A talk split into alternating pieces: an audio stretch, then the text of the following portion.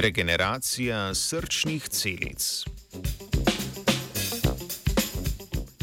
Še pred dobrimi desetimi leti je veljalo splošno prepričanje, da so celice v srcu sesalcev v končnem diferenciranem stanju brez kakršnega koli regeneracijskega potencijala. Danes pa vse več dokazov potrjuje dejstvo, da je tudi odraslo srce sesalcev do določene mere sposobno regeneracije. Mednarodna raziskovalna skupina poroča, da se celice, ki so vir novim srčnim celicam, nahajajo le v določenem predelu srca.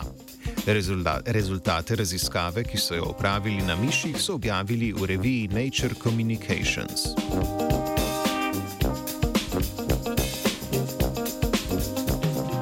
Nove srčne celice večinoma nastajajo v procesu celične delitve že obstoječih. Nepojasneno pa ostaja, ali so srčne celice, ki so sposobne razmnoževanja, v srcu enakomerno razporejene ali pa se nahajajo le v določenih predeljih.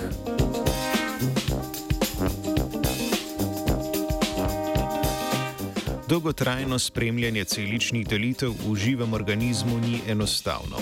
Da bi v srcu živih odraslih miši lahko prepoznali celice, ki se aktivno delijo, je mednarodna raziskovalna skupina razvila genski sledilnik. Narejen je bil tako, da so srčne celice, ki so se delile, fluorescirale. Na podlagi svetlobe, ki so jo oddajale, so lahko določili njihovo lokacijo. Odkrili so, da se celice, ki se delijo, nahajajo le v mišicah, ki se pripenjajo na lističe za klopke v levem prekatu.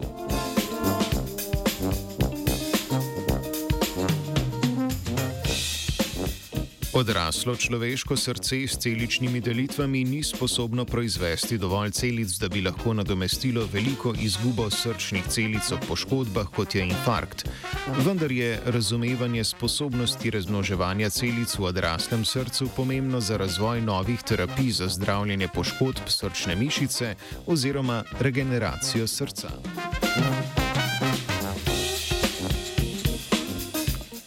Celice, ki se delijo, v srcu nosi tudi Angelika.